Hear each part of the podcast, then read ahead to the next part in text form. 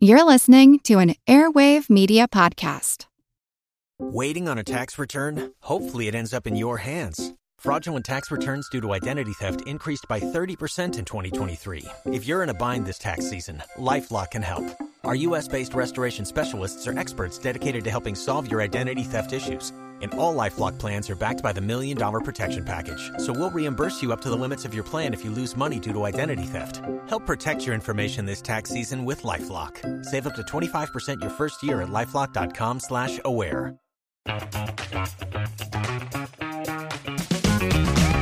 Hey there, I'm Dylan Lewis, one of the hosts of Motley Fool Money. Each weekday on Motley Fool Money, we talk through the business news you need to know and the stories moving stocks on Wall Street.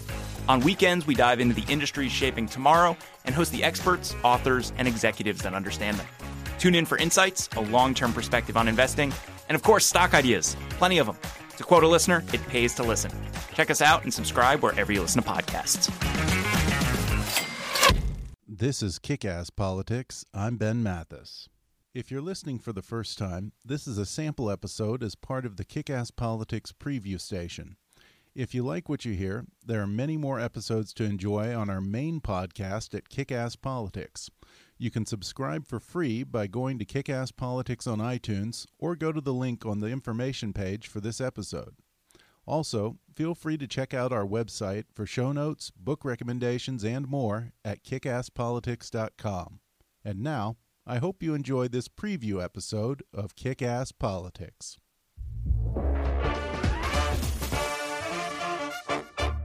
Today's podcast is brought to you by Audible. Audible has over 180,000 audiobooks available to download for your iPhone, Android, Kindle, or MP3 player. And right now, Kickass Politics listeners can get a free audiobook download and a free 30-day trial. Just go to audibletrial.com backslash kickasspolitics or click on the sponsor link on our webpage at kickasspolitics.com and go get your free audiobook. Hi, folks. I'm Ben Mathis, and welcome to Kick Ass Politics. About a week ago, the U.S. Treasury Secretary announced that the Treasury is going to replace Alexander Hamilton on the $10 bill with the face of a yet to be named woman in American history. And it led me into getting into an interesting back and forth over Twitter with a guy named Bruce Carlson. He's the host of a very popular podcast called My History Can Beat Up Your Politics.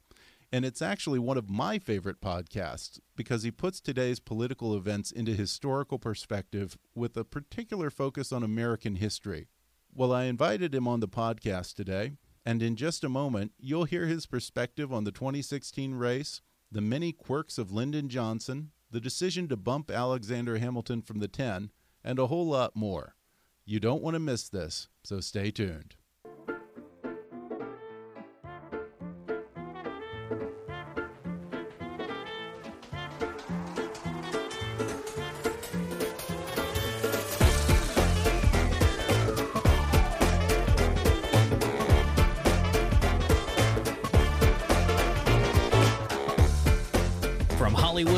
Washington, it's time for Kick Ass Politics. And now here's your host, Ben Mathis. My guest today is Bruce Carlson. He's the host of one of the most popular podcasts out there. It's called My History Can Beat Up Your Politics. Bruce, thanks for coming on the show. Well, thanks, Ben. It's great to be on. You have been at this whole podcasting thing for a while. You've you've been at this since I think 2006. So That's right. You're like the Philo Farnsworth of podcasting, and I'm kind of a little late, relatively late in the game here. Yeah, 2006 was kind of the pioneer days, and we were still. I was using a Radio Shack microphone at one point, and uh, you know, it's uh, really evolved and it's spiked up because of the use of cell phones now, and Right. to to view the cast, and there's a lot more uh, interest in it than there had been.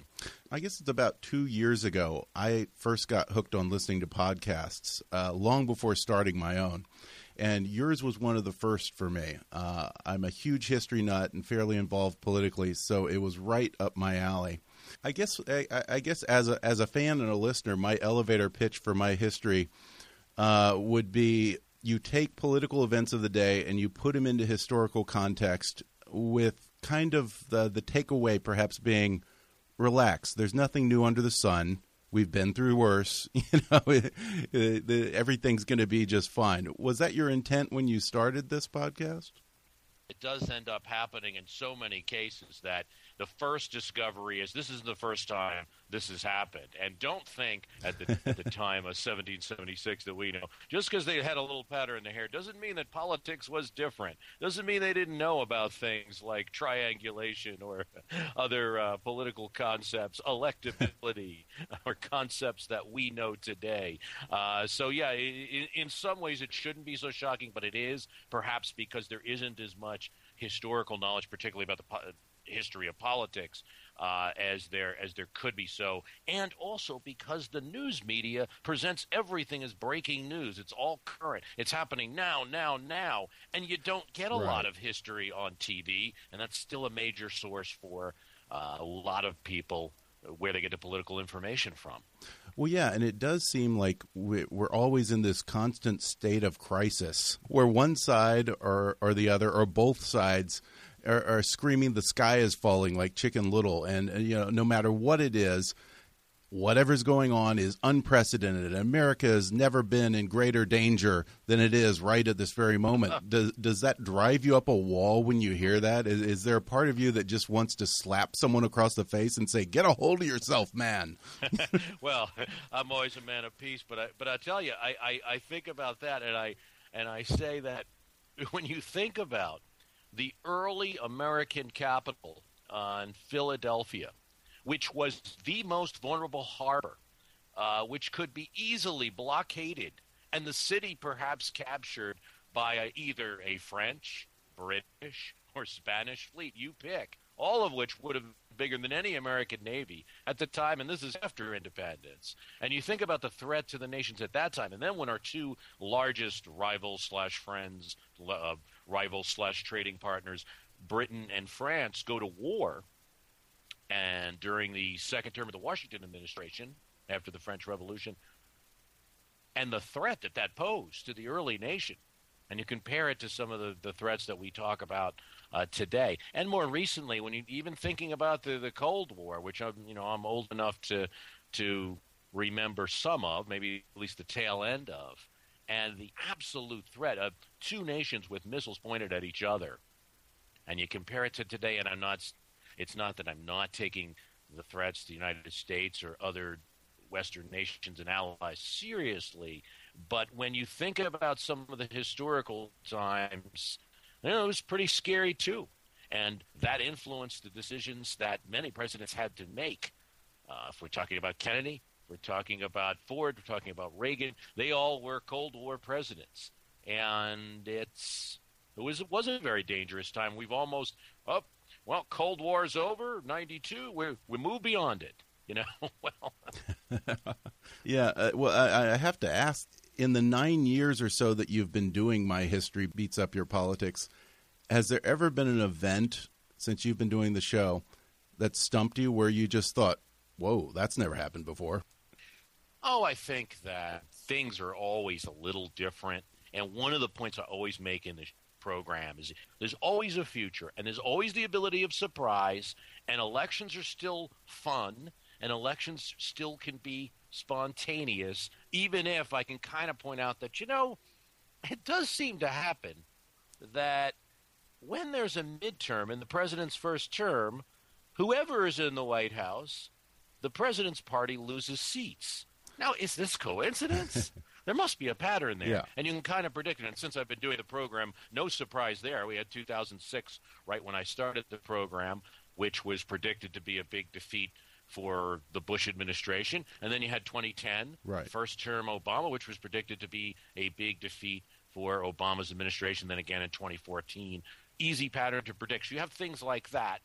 And, you know, you have some some interesting events that that seem to happen. I mean, despite my love of history, I'm still very uh, I still love the spontaneous events of our politics, and I'm I'm still surprised by things, and I still look forward to what's going to happen. Well, you're right, though. It is still fun. I've given up on prognostication. I mean, pundits love to make definitive predictions as if you know they're the great and powerful Oz or something, and all-seeing, all-knowing. But you know, I, I think back to the last presidential election when Dick Morris famously predicted, even up to the very end, that Romney was going to have a landslide victory by I think 112 electoral votes, and he was going to he was going to carry Michigan and Pennsylvania and Wisconsin and Ohio and New Hampshire, and I don't think he and he didn't carry any of those.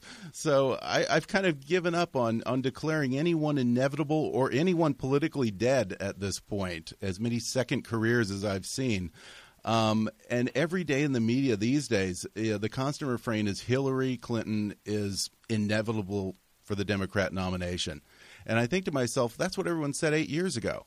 I mean, my I guess my question to you then, Bruce, is: Do you see any scenario looking at the election that's going on right now in which Hillary somehow doesn't get the nomination, and, and is there some historical precedent for that? I mean, there's uh, it's after all that buildup, my answer is probably not likely. yeah. So I haven't done a lot of justice to, to what you just said, but I, I think it's likely that uh, she'll get it for a couple of reasons. Could be an upset, and here's the two scenarios that I think would be scary for Hillary Clinton running in the Democratic nomination: African American candidate, Hispanic candidate. Right now, not in the race. Right now, the opponent she has is a very liberal candidate I'm talking about Bernie Sanders, who I think is the larger challenge from the left and is starting to gather some crowds. If you're Hillary Clinton, you want an opponent like Bernie Sanders because you're going to be, you know, oh, the best politics is don't look at me, don't don't look at me, look at that man that's in the tree, and you want to point to someone else who's more left or more liberal than you are when it comes time for that general election. Now, in a primary, he might cause a little damage. I would expect to be surprised. Okay, in New Hampshire and or Iowa. I think one or the other of those huh. is either going to be a large upset. Okay, say like Bernie Sanders in either one of those states. Okay. Now you have the precedent of uh, 1968, where in New Hampshire. Uh, Lyndon Johnson won that primary, and that's something that's forgotten. He won that primary, and then he left the race and he won the primary by eight points. This would be, in today's era, an enormous victory for the incumbent president of the United States. But because he was expected to win by more, he dropped out. And all other sorts of things happened. This year, it's harder and harder. I mean, in today's politics, it's harder and harder to execute that kind of the same surprise. Eight points Hillary Clinton wins by eight points in either place, that's a huge victory these days. So the, the, the, the standard yeah. for what an upset is has increased. Somebody really has to shock, maybe even win one of these primaries to really shock uh, the Clinton campaign. If that happens, I think you history has shown, and recent history has shown that you you enter a little bit of a downward cycle as a front runner candidate then, and the challenger starts gaining momentum. But you know what? The recent yeah. history has also been that there's a limited gain from that. if you look at Gary Hart surprising right. Mondale, you look at Buchanan surprising Bush, you know, these events in New Hampshire, McCain winning in 2000, mm-hmm. has had less. Or, or less just the last time around, too. Uh, the the Republican primary. We had a, a, different front runner, I think, every week in the Republican primary last time. Yeah, I mean that that and and you were asking earlier about one of those events that sort of surprised a little, and I I, I thought that that did. The different front runner every every week was kind of interesting, surprising. You know, Newt Gingrich had a turn. Herman Herman Cain was was a fairly surprising front runner for for a small yeah. time there. But there's been many times. Yeah, even Santorum got his due at one point. yeah, exactly. I mean, there's been many occasions where parties have had kind of a, a very narrow field. You know, I was looking recently, uh, 1976 and there are were almost 13 candidates for the Democratic Party nomination. So I'm hearing all this talk now about it's the new fundraising, it's the new internet uh, campaigning. It's it's because people now want attention that they never did that before. No one ever ran for president before just to get attention or maybe to get a VP spot or a cabinet spot there were 13 people running in 76 and there was no one that was immediately rise to the top carter exploited that in a yeah in a manner of a political presidential primary history. that still to this day, uh, love or hate Jimmy Carter, many people on both sides will imitate his primary party strategy. And they're in Iowa now. Have you found that it's in any way changed your political views when you dig into the history, and has it tempered any of your biases in some way? Oh, absolutely. I think you lose that feeling of, oh, uh, it's going to be a disaster if this guy gets in, or oh, I hate this guy, or I, yeah. you know, there are situations, or certainly uh, political decisions I didn't like or did like, but I look at the situation and say, well, there's a limited range of what a president can do. In 2009, when uh, President Obama took office, I was shaking my head at what people thought the president did because I think they expected more from the presidency, that a president could do more, could wave a magic wand. For me, yeah. there's no magic wand. So I get less, less disappointed and less interested in whether this person's president or that person's president. Yeah. So yeah. there you go. Yeah, well, I always get upset uh, when whenever my friends say, "Oh, well, if this guy gets elected, I'm moving to Canada." I mean, you know, I'm like, no, you're not. No, you're not. This, this is still the best deal out there. So it doesn't matter who gets elected. You're not going anywhere. So it's not like everyone in Canada loves Stephen Harper either, you know, Yeah. or or Justin Trudeau or any of them. I think uh, many. yeah, where do they go when they get upset? where do they go to if if they lose an election? Well, do you? I'm curious. Do you ever get any angry, uh, not angry fans, but uh, I'm sure you get a lot of emails. Uh, do you ever get people who uh, read some kind of political bent into uh, uh, one of your podcasts, or you know, start going off and say uh, you're a socialist, or you must be a Tea Party, or do you ever get any of that? I don't get as much as you might think. Um, I don't get as much as I even expected. The issues where there's more, anything with Israel, anything involving the Second Amendment, anything involving a specific bill like uh, Obamacare while it was being passed, and both with people on the left and the and the right on that particular issue.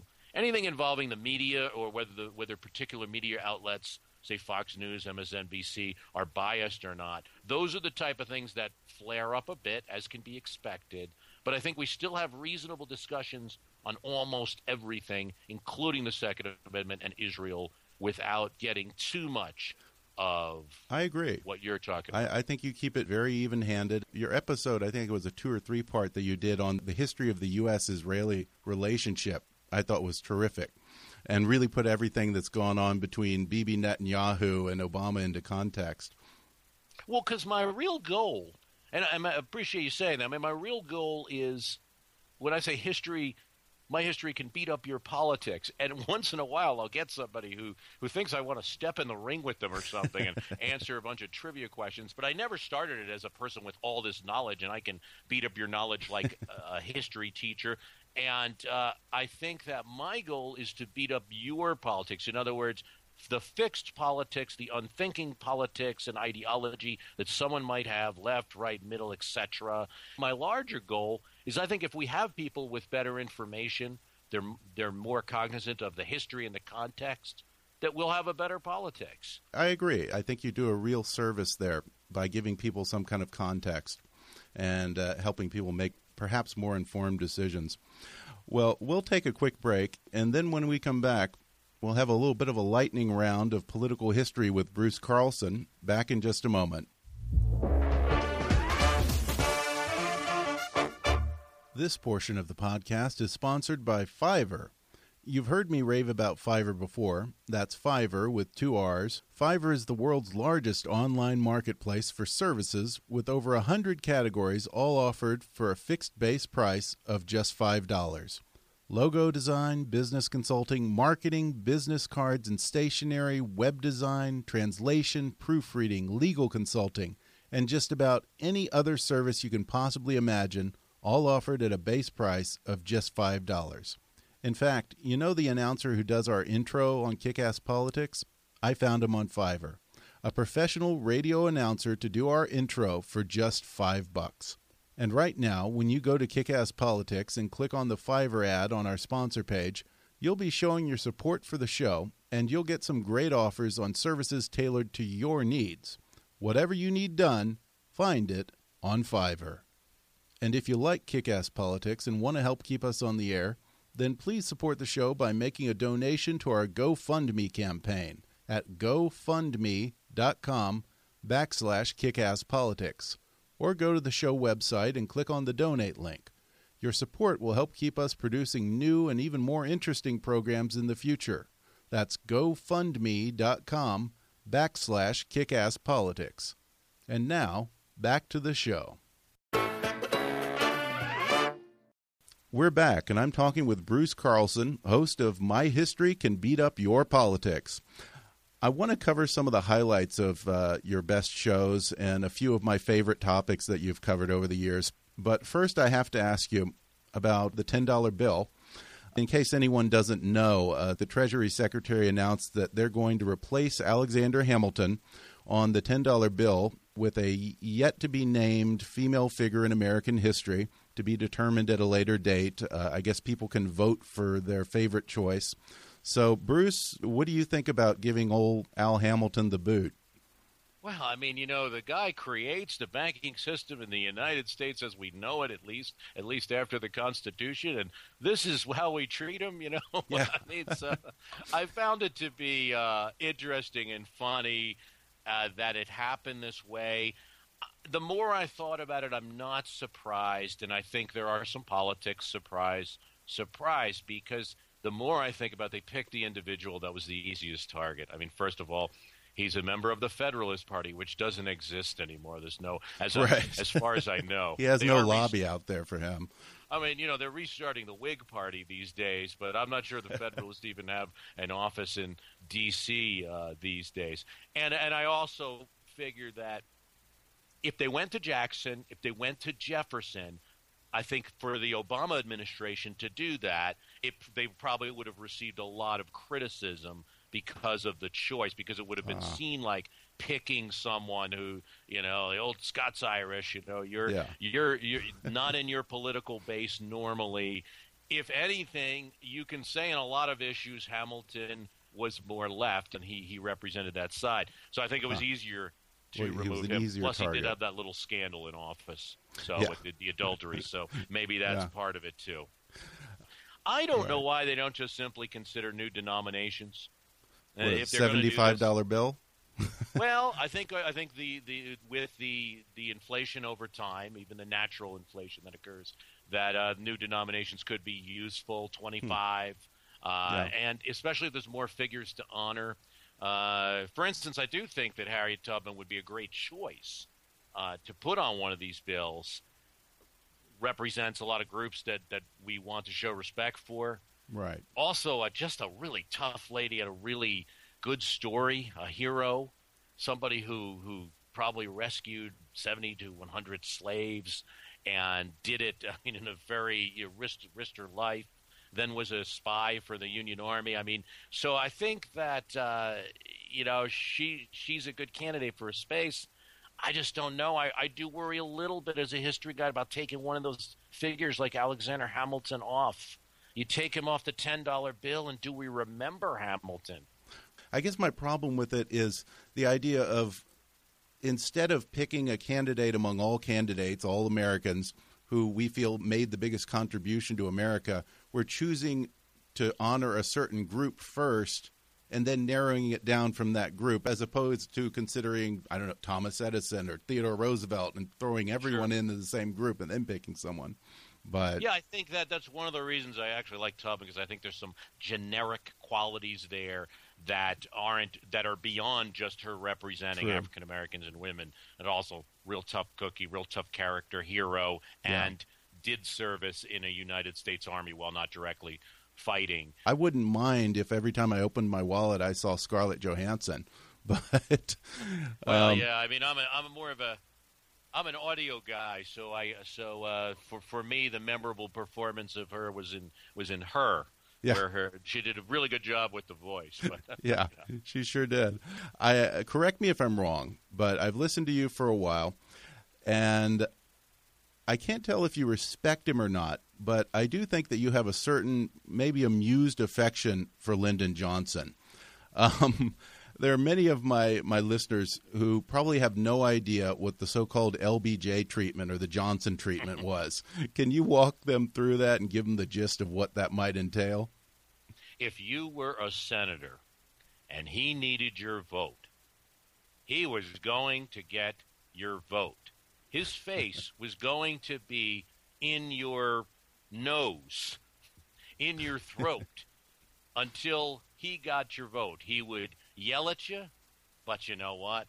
There are some people who say that wouldn't work with me. I'll just I, I, when someone yells at me, I, am twice as determined not to vote for. Him. Oh, he knew that too. He knew just how to play you. If you were that type of person, you'd get the best compliment. You'd get the pat on the back that you you don't get from anybody else. You know, uh, you'd get all of these things. So I think that uh, he was uh, definitely uh, he knew how to he knew how to cajole. He knew how to get votes. He was a guy who became minority leader and then majority leader. One of the the youngest people to do that in his 40s. I forget the exact age, but very young at the at the time. And it was because he was so good.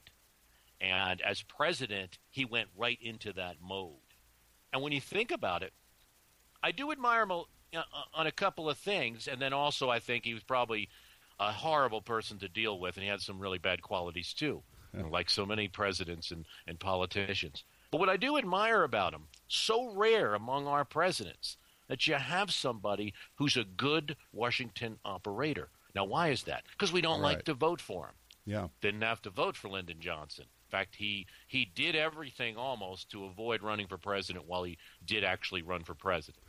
he avoided the big public spectacle of running for president, so it appears so they wouldn't fail. I mean, that seems to be what what's thought. One time, I remember you said that you could probably do a whole podcast on LBJ stories. Do you oh, have yes. a favorite? oh yeah, I just love the idea of him, him campaigning when the helicopter was something that didn't appear in World War II. We didn't have them yet. yeah. And by his 1948 Senate campaign, he's already got one, and he's flying around these little Texas towns. And you know, you look up in the sky. You're working on a tractor or something, and you look up, and can you imagine it? You know, you've never seen anything like it. The country hasn't seen anything like this type of uh, aircraft that can hover over. And yeah. there, with a megaphone, is Lyndon Johnson out you know, the window of the helicopter. You know, please vote for me for Senate. You know, I just think that's uh, that had to be a fascinating sight. yeah, that's a very Texan move there. Oh, absolutely. Yeah. Well, you, you know, you, I'm sure, of course, I, I, imagine you've probably heard the LBJ tapes of uh, when LBJ orders a pair of pants. So uh, I won't go into that, but folks can Google that if they want. well, that that reminds me of a good one where he, in the same in, the same series of phone calls, most of them are on YouTube. So the, the Michael Beschloss has a good collection of them in his audiobook. But uh, there's a great one where he asks for a free haircut. You know, President of the United States, but you know, he said, "Look, uh, you know, I got uh, uh, wives and uh, children to support." you know, and uh, I'd really, if you could do me this favor. Oh, sir, there'll be no charge for this. Oh, that's great. And then he says to him, you know what? Franklin Roosevelt said a man can have anything if he wants if he knows how to keep his mouth shut. oh, Mr. President, certainly I won't tell anybody about this. So if he's doing that to the haircut guy, you can imagine what he's doing to senators. Well, yeah, you know, and it's funny because you know Nixon had voice activated activated recorders, but uh, LBJ had to tell his secretary every time he wanted to record something. So I'm just trying to picture him saying, you know, saying to his secretary, you know, you, are going to get this, darling. Turn on the recorder. I'm going to order a pair of pants. Well, while we're still on that era, uh, Nixon versus Kennedy was television really Richard Nixon's undoing? Obviously, it was not a good moment for the Nixon campaign, and it certainly helped Kennedy. Uh, I still think there are some circumstances where Kennedy was still probably going to win that election by the very slight margin that he did. People vote for president based on the performance of the incumbent party. There was some stagnation. There were some concerns about the battle with the Soviet Union. Uh, the Eisenhower administration seemed lethargic. They liked Eisenhower personally, but I believe we're concerned about Nixon.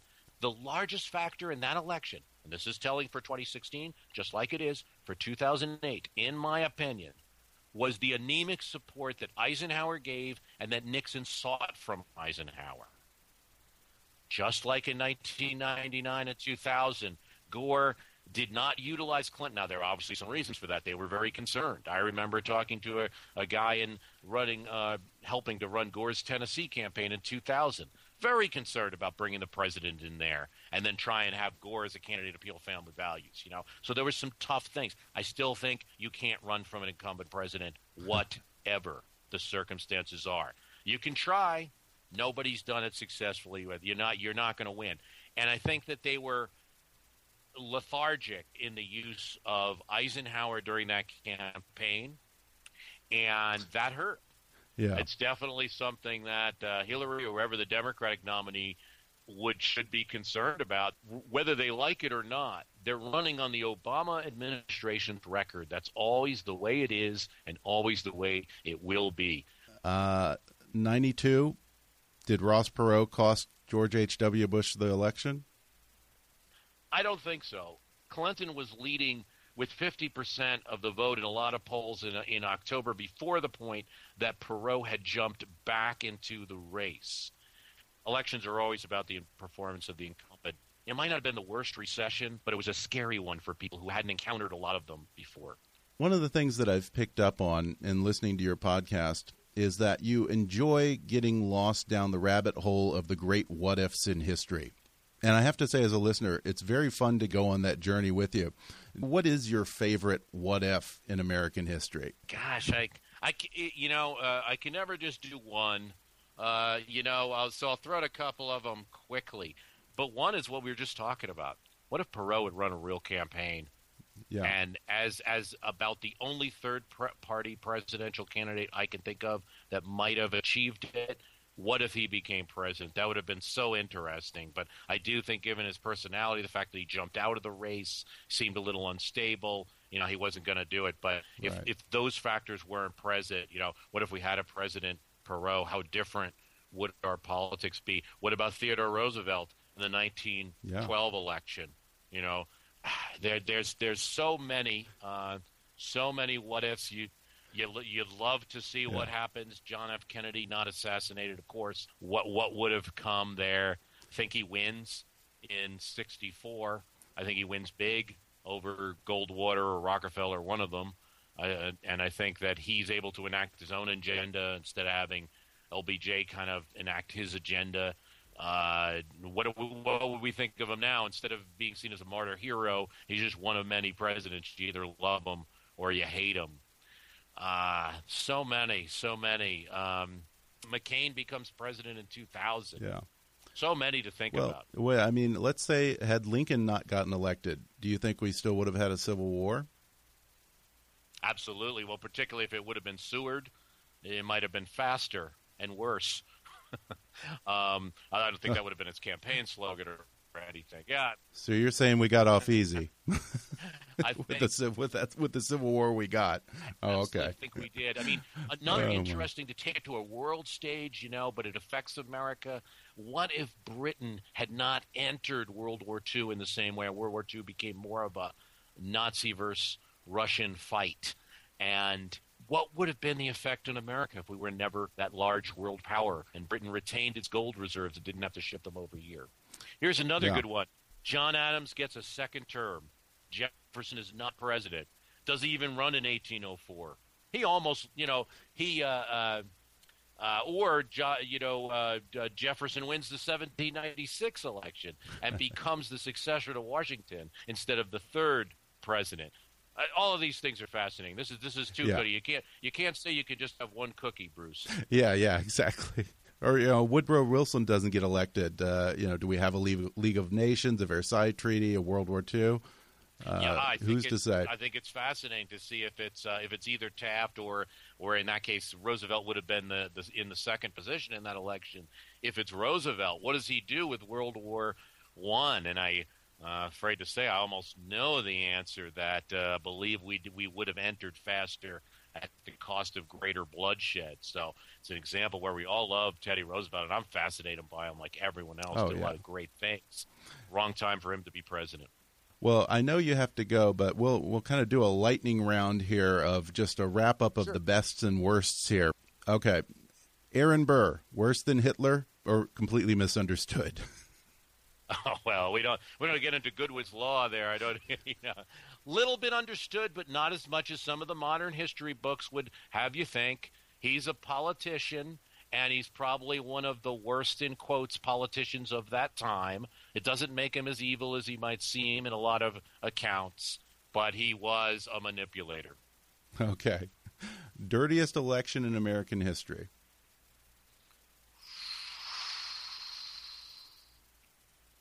1876. I'll go with the standard answer. Pretty bad for, for on both sides. By the way, I think uh, it was it was totally uh, wrong that the way those three electoral.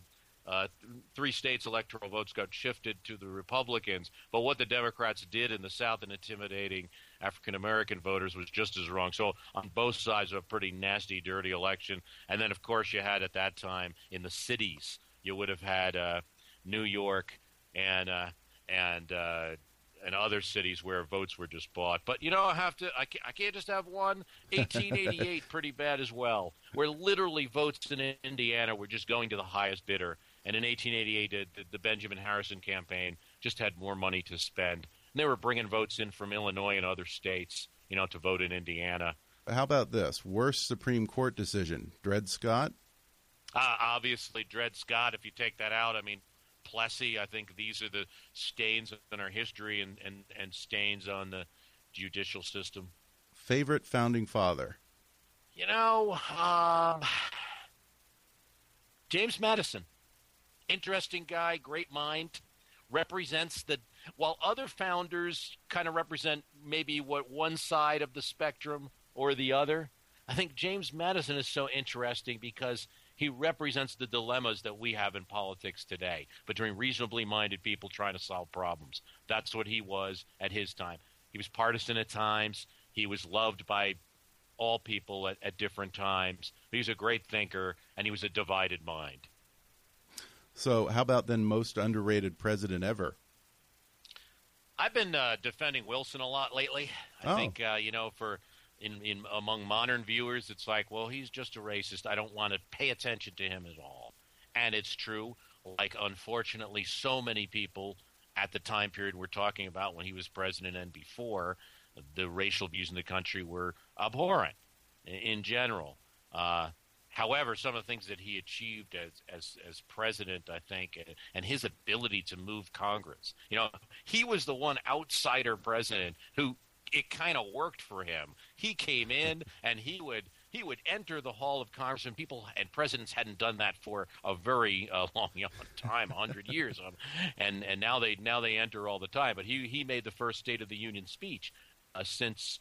Uh, Thomas Jefferson stopped doing that and set that precedent. He came to Congress and spoke for his tariff bill, solved a huge problem, and he knew how to get things done with Congress. Didn't get his League of Nations passed, but it was a good idea for the world to start talking, and he, he got that going. And that's why I think that you still hear Wilson's name in a lot of the accounts of presidents in the 40s and the 50s and the 60s when people are thinking about great presidents. And then uh, the other underrated, because uh, you know I'm, I'm, I'm I, you know I'm having trouble naming just one with all of these, but Yeah. James Monroe. Oh, okay. James Monroe, one of the most popular presidents ever. You know, the the guy that really came the closest to unifying the country and balancing all sides of the political spectrum. Very important moment for the country as we moved from what some call the Second War of Independence, the War of 1812. You know, established the country firmly and set our place in the world as the defender of the Latin American nations and the and and and and Right. Defending their independence that they were just earning during his time. You know, and the United States had to make a decision about that. Uh, did fully developed, uh, you know, negotiated a great treaty with Spain under his administration. It was John Quincy Adams that did the treaty uh, that enlarged uh, America and, and and got Florida under our control. So it kind of got the right balance between what federal government does, what it doesn't do, Had to deal with Henry Clay as Speaker. You think Boehner's tough? yeah, I don't doubt that. Well, I feel kind of cruel for then throwing this out as the last question because you could probably go on for three hours. But worst president? No, um, I go right in line with the uh, with the standard books on it. You got to put James Buchanan there. And I'll tell you why. It goes to show you about the American mind. The reason I think James Buchanan shows up on most lists as the worst president is because his crime was inaction. And one of the things hmm. generally about Americans, it's almost been true throughout our history, even as our demographics and our population and economy or place in the world changes, is we like action. You know, during the Constitutional Convention, they wanted the presidency to be a an engaged person. A lot of the rules about the president, that the fact that they can run for reelection, is because they didn't want somebody saying, "Well, I'm just going to wait this out." They wanted to give them. They wanted somebody with energy and dispatch. Those were the words used.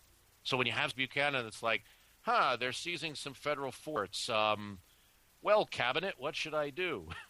or I'll wait for the next guy to get in here. That was the biggest crime, and that's why I think that people of all colors kind of put him as the as the the worst president huh. ever. But I'll also make another surprising choice: James Madison.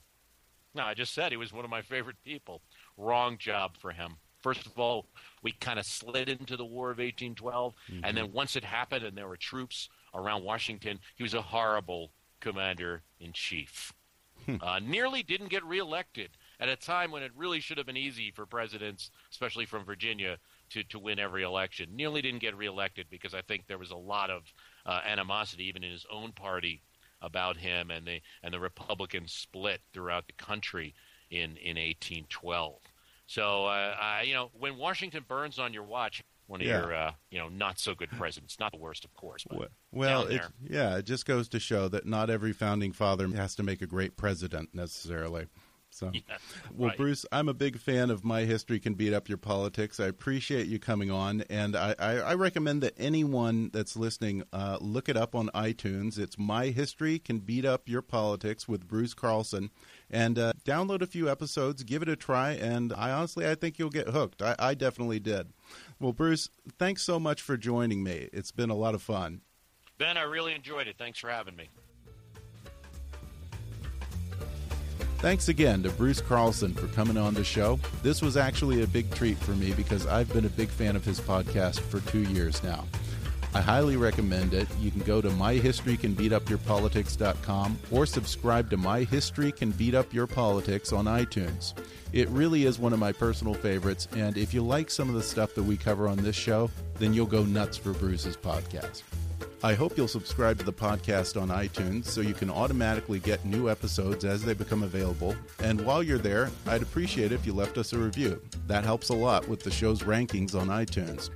And if you like kick ass politics and want to help keep us on the air, then please support the show by making a donation to our GoFundMe campaign at gofundme.com backslash kickasspolitics. Or go to the show website and click on the donate link. Your support will help keep the lights on over here and will be greatly appreciated. That's gofundme.com backslash kickasspolitics. For now, though, I'm Ben Mathis, and thanks for listening to Kick Ass Politics.